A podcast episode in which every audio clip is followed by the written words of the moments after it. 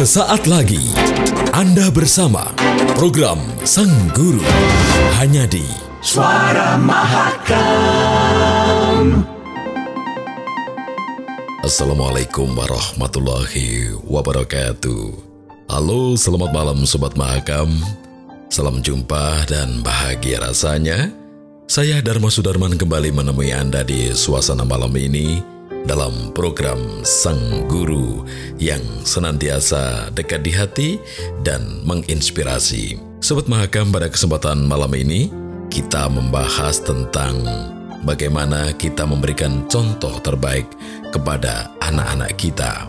Anak adalah seorang pencontoh terbaik, peniru terbaik. Untuk itu, marilah kita berikan contoh-contoh hebat buat anak-anak kita, sehingga dia pun akan menyontoh kehebatan yang terbaik dari diri kita. Tetaplah bersama kami hanya di 101.1 Mahakam Radio.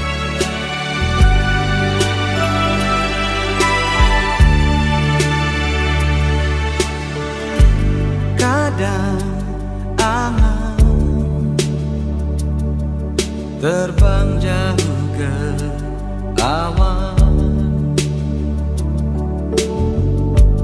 Rasa rindu kian menawan.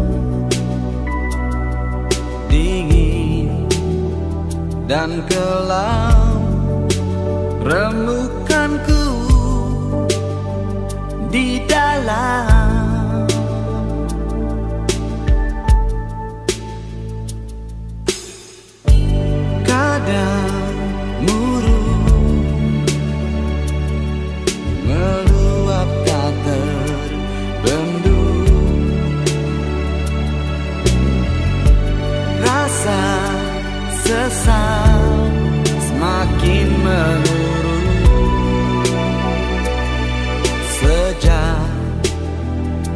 kau pergi berlari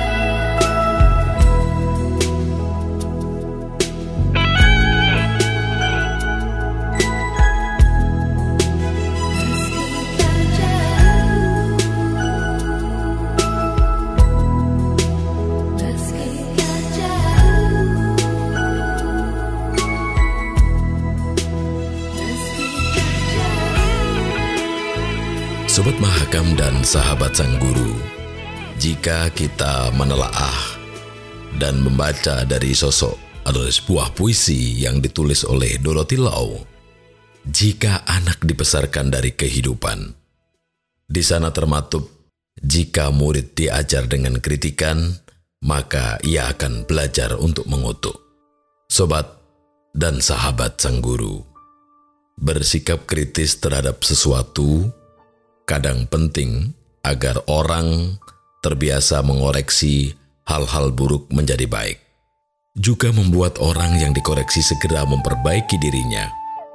Kritik memang dibutuhkan dalam perbaikan, tetapi jangan lupa bahwa tidak semua hal harus dikritik, apalagi kritik yang tanpa dasar.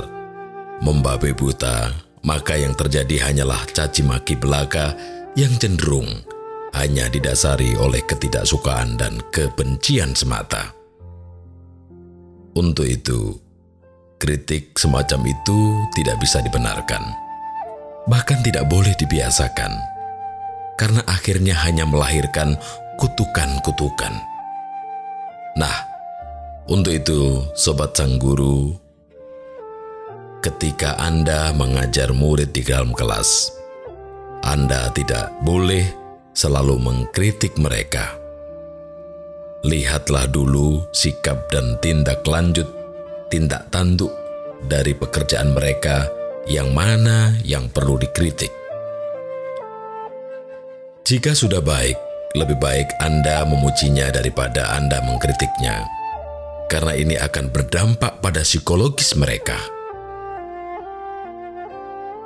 Sobat Mahakam dan sahabat Sang Guru, ketika anak sudah melakukan hal semaksimal mungkin dan Anda selalu melihat sisi kekurangannya, maka seakan apa yang mereka lakukan atau mereka kerjakan selalu salah dan tidak pernah sempurna. Mereka akan bersikap begitu terhadap orang lain, terutama sesama teman di kelasnya mereka selalu akan saling mengkritik tanpa mencermati mana yang perlu dan mana yang tidak perlu untuk dikritik. Untuk itu sobat mahakam, apalagi bila ketika menjelaskan materi pelajaran, kita selalu melontarkan kritik-kritik terhadap berbagai macam hal. Kritik terhadap pemerintah, kritik terhadap teman, kritik terhadap sekolahan sendiri, tentu hal ini akan memberikan dampak yang kurang bagus dalam pikiran murid kita. Bahwa mereka menganggap bahwa selalu mengkritik orang lain atau berbagai sesuatu yang tidak disukainya itu baik bagi mereka. Dan jangan lupa bahwa itu akan membentuk opini mereka bahwa belajar berani mengkritik membuat mereka berani memaki, mencela, dan sebagainya.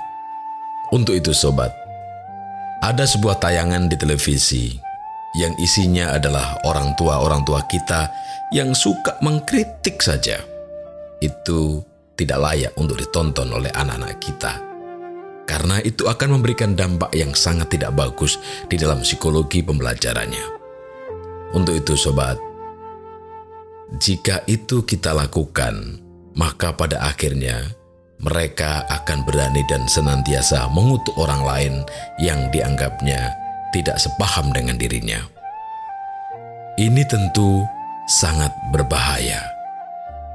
Guru yang baik dan bijak pasti akan menghindari pengajaran-pengajaran yang banyak melontarkan sebuah kritikan mereka tidak akan membentuk muridnya menjadi insan-insan yang suka mengutuk satu dengan yang lain.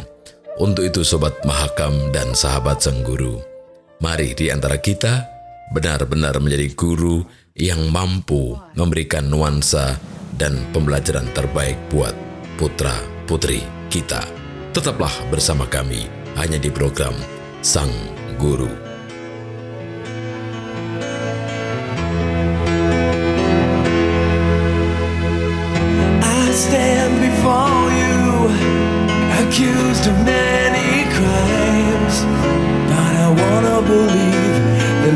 Could still survive. You don't have to say it. I don't have to read your mind to know the emptiness has finally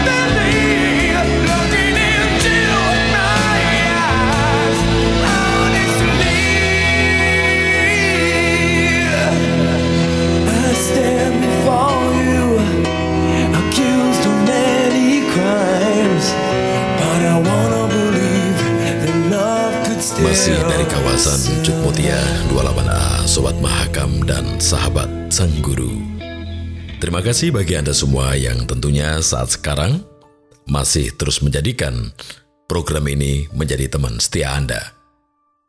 Sobat, di dalam sebuah peristiwa kerap kali kita mendengar bahwa seorang guru yang melakukan kekerasan terhadap siswanya. Apalagi di era-era pandemi ini, kekerasan berubah menuju ke dalam rumah. Orang tua melakukan kekerasan kepada putra-putrinya ketika membelajarkan anaknya. Berkenaan dengan hal itu, maka sobat, perlu kita menoleh kembali terhadap bagian yang ditulis oleh Dorothy Lau. Jika murid diajar dengan kekerasan, maka ia akan belajar untuk melawan. Untuk itu sobat, sebagai guru, kita boleh saja bersikap keras dan tegas terhadap murid ketika sedang mengajar di dalam kelas. Tetapi bukan berarti kita boleh melakukan kekerasan ketika sedang marah. Misalnya menggebrak meja, menendang kursi, melempar penghapus, bahkan menjambak rambut murid, menampar murid, dan sebagainya. Perilaku kekerasan semacam ini bukan hanya tidak etis, tetapi juga akan membentuk mentalitas murid menjadi pemarah, bahkan beringas. Murid akan memahami bahwa perilaku kekerasan semacam itu sebagai sebuah kelaziman atau boleh dilakukan kepada siapa saja. Padahal, ya tidak boleh. Aksi kekerasan yang dilakukan guru seperti itu akan memancing emosi murid. Secara bersama-sama mereka akan melakukan perlawanan, tidak peduli apa yang dihadapinya adalah gurunya sendiri. Nah, untuk itu sobat Mahakam dan sahabat sang guru, bila ini terbiasa mereka lakukan, tentu mengandung sebuah konsekuensi. Pengajaran yang disertai kekerasan hanya akan melatih murid untuk melawan atau menentang. Mereka belajar menentang segala sesuatu, bahkan melatih mereka untuk terbiasa bersikap damai terhadap berbagai keadaan yang dihadapi atau menengahi konflik yang terjadi. Untuk itu, sobat, guru yang baik dan bijak pasti menghindari melakukan kekerasan sekalipun mereka sedang marah karena ulah murid di kelasnya. Saya meyakini sobat mahakam, mereka mampu mengendalikan emosi demi menjaga dan memelihara mentalitas muridnya. Mereka berprinsip kekerasan bukanlah jalan penyelesaian menghadapi murid yang bermasalah di dalam proses pembelajaran. Kekerasan hanya akan memancing perlawanan dan pada akhirnya membentuk kekerasan baru. Untuk itu sobat, ingatlah murid Anda jauh lebih berharga daripada penggaris kayu yang Anda pukulkan kepada tubuhnya. Untuk itu, sobat, marilah kita melakukan proses pembelajaran dengan cara yang lebih nyaman, cara yang lebih mendidik, dan cara yang tidak menimbulkan perlawanan. Tetaplah bersama kami hanya di 101.1 Mahakam FM.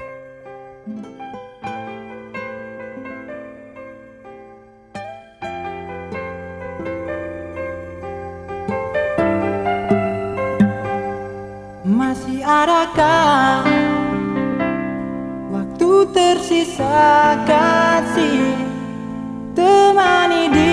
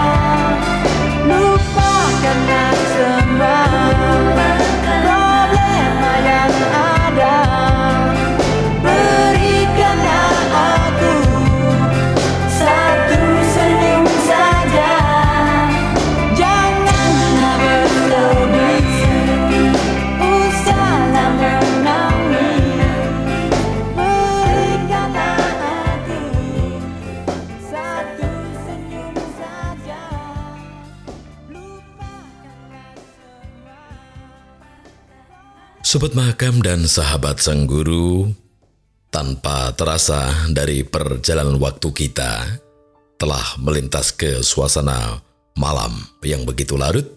Namun semoga nuansa-nuansa apik, tembang-tembang apik yang kami tawarkan dan inspiratif-inspirasi menarik akan memberikan semangat bagi Anda semua untuk tetap stay tune di 101,1 Mahakam Radio bersama saya Dharma Sudarman. Sobat Mahakam, jika murid diajar dengan ejekan, maka ia akan belajar menjadi pemalu. Guru berhak menilai muridnya, terutama dalam penyerapan dan penguasaan materi pembelajaran. Penilaian itu bisa berbentuk angka, misalnya 7, 8, 9, atau bahkan melalui kategori huruf A, B, C, bahkan hingga E. Atau juga bisa merupakan sebuah pernyataan. Misalnya, sangat bagus, cukup baik, bahkan kurang. Tetapi jangan coba-coba mengejek murid kita. Misalnya, wah dengan pernyataan, tulisan kamu mirip benang kusut. Ah, suara kamu seperti suara bebek. Kamu tidak pantas pakai baju seperti itu. Nah, Sobat Mahakam, sepintas ejekan-ejekan ini terdengar biasa-biasa saja. Seolah sebagai gurauan atau banyolan belaka yang wajar dilontarkan oleh guru kepada muridnya. Padahal, tahukah dan sadarkah kita? Ejekan semacam itu sangat negatif, yakni membuat murid kita menjadi malu dan akhirnya membentuknya sebagai pribadi pemalu. Apalagi bila ejekan tersebut dilontarkan di depan teman-teman mereka di dalam kelas, tentu akan memberikan sebuah rasa minder, membuat mereka menjadi rendah diri dan sebagainya. Untuk itu sobat Mahakam dan sahabat sang guru, siswa menjadi pemalu lantaran tulisannya sulit dibaca karena suaranya yang kurang enak didengar, karena pakaiannya yang kurang indah dipandang mata. Rasa malu ini bisa mengganggu pikirannya, juga konsentrasinya dalam belajar. Nah, untuk itu sobat, sebagai seorang guru, sebaiknya kita harus berhati-hati dan jangan ceplas-ceplos melontarkan ejekan terhadap keadaan dan kemampuan murid kita. Mari kita hindari mengajar yang disertai ejekan karena akan menyebabkan murid menjadi pemalu. Padahal, pengajaran yang baik adalah membentuk mentalitas murid menjadi pembaca dan pemberani serta memiliki rasa percaya diri. Untuk itu sobat, apa pun keadaan dan kemampuannya itu, Bila Anda ingin sukses dalam proses membelajarkan, ajarkanlah murid menjadi orang yang selalu percaya diri, bukan menjadi sosok pemalu.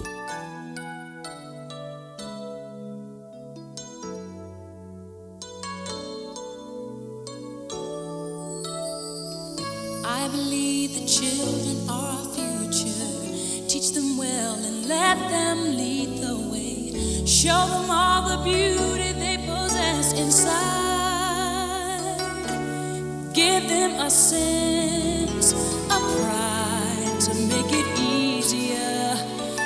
Let the children's laughter remind us how we used to be. Everybody's searching for a hero.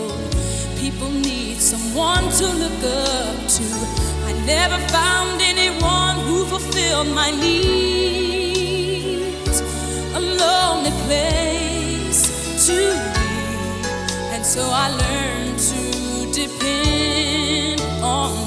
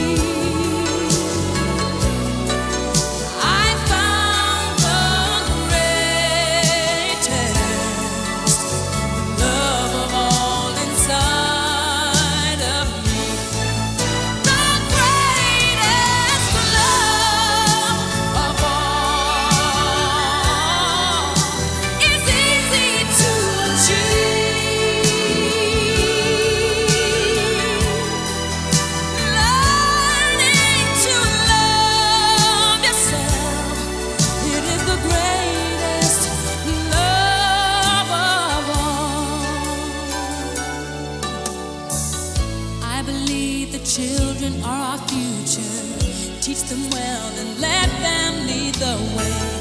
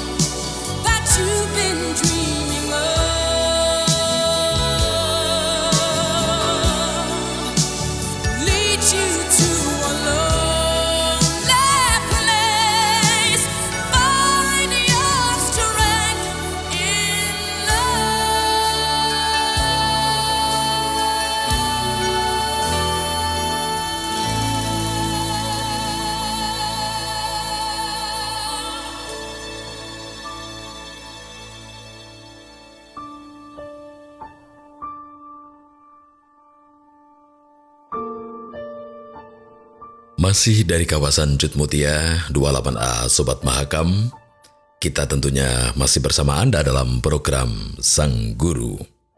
Sobat, jika murid diajar dengan toleransi, maka ia akan belajar bersabar. Apa pun bidang studi yang diajarkan guru, entah matematika, ekonomi, fisika, biologi, olahraga, apa pun namanya pembelajaran, kita sebagai guru perlu mengajarkan perihal toleransi kepada siswa atau murid-murid kita.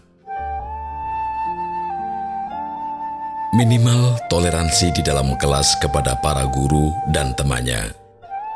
Mengapa? Karena murid yang diajar dengan toleransi dan belajar bertoleransi, mereka akan belajar bersabar.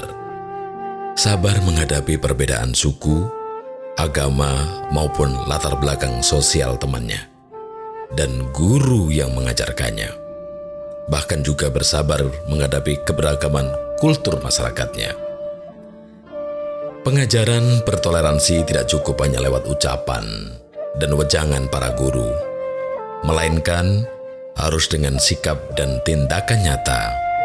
Misalkan, guru mengizinkan muridnya menggunakan atribut agama yang diyakininya masing-masing. Guru juga tidak memarahi mereka berdoa sesuai dengan agama dan keyakinan yang dianutnya.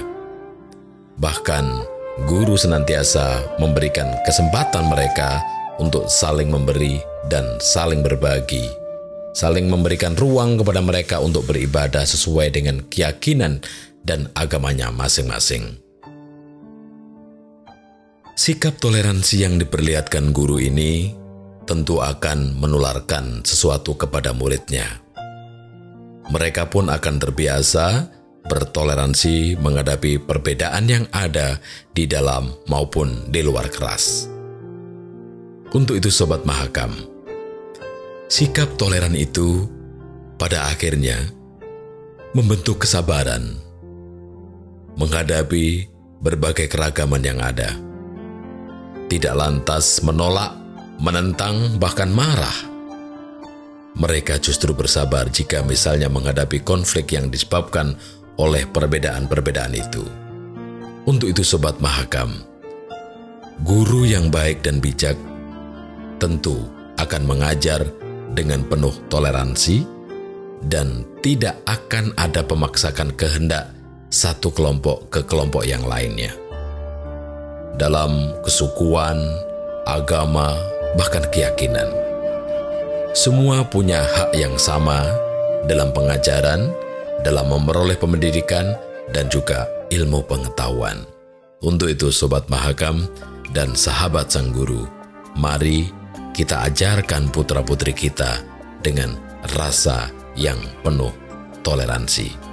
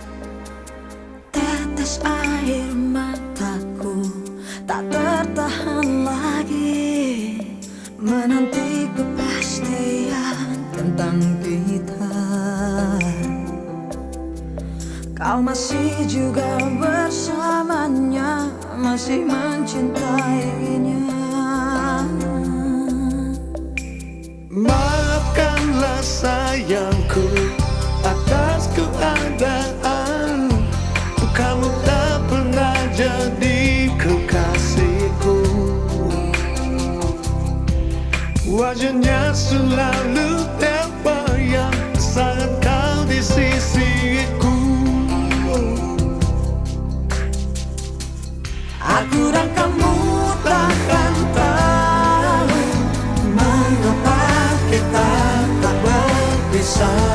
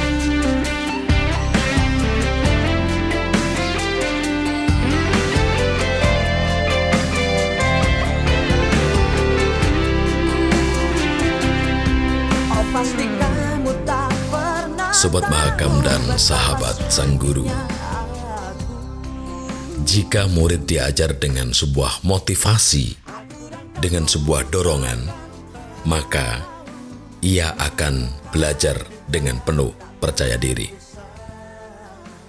Untuk itu sobat, harus diakui dalam praktek pengajaran di kelas kita, masih ada guru yang cenderung mematahkan semangat murid ketika mereka menghadapi masalah-masalah dalam belajar.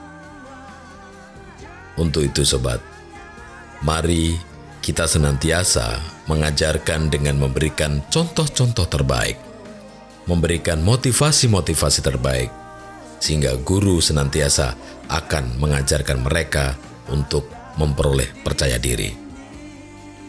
Guru seharusnya mengajar dengan senantiasa memberikan dorongan kepada siswanya agar mereka belajar dan terbiasa percaya diri dalam melakukan tindakan-tindakan yang baik. Guru menjelaskan materi pelajaran sambil memotivasi anak didiknya. Bahkan mereka sesungguhnya bisa menjadi pintar dan cerdas karena mereka adalah talent-talent produk-produk terbaik, yakni menjadi anak-anak Indonesia. Untuk itu sobat, kita senantiasa jangan selalu membandingkan putra-putri kita dengan putra-putri dari tempat lain. Karena berbeda, itu akan mengecilkan sebuah semangat mereka. Namun kalau andai kata kita memberikan contoh saja, sehingga anak-anak kita mampu memicu dirinya menjadi orang-orang yang percaya diri, menjadi orang-orang yang hebat. Kita memiliki contoh-contoh pahlawan-pahlawan pejuang-pejuang nasional yang memiliki kecerdasan luar biasa dan semangat luar biasa. Untuk itulah, contoh-contoh itu jika diberikan, maka akan menimbulkan semangat percaya diri yang tentunya putra-putri kita akan berprestasi tertinggi dalam pendidikannya.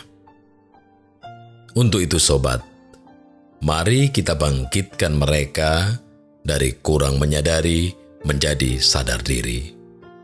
Mari kita bangunkan sekaligus dorong semangat mereka agar menyala-nyala, agar belajar penuh dengan minat dan antusias yang tinggi.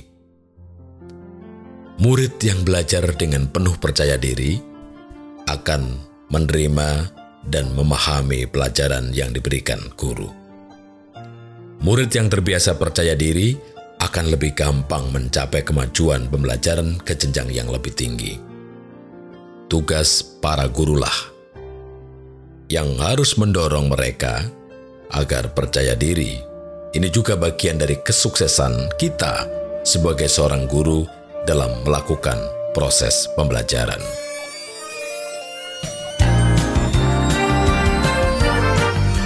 Suara Mahakam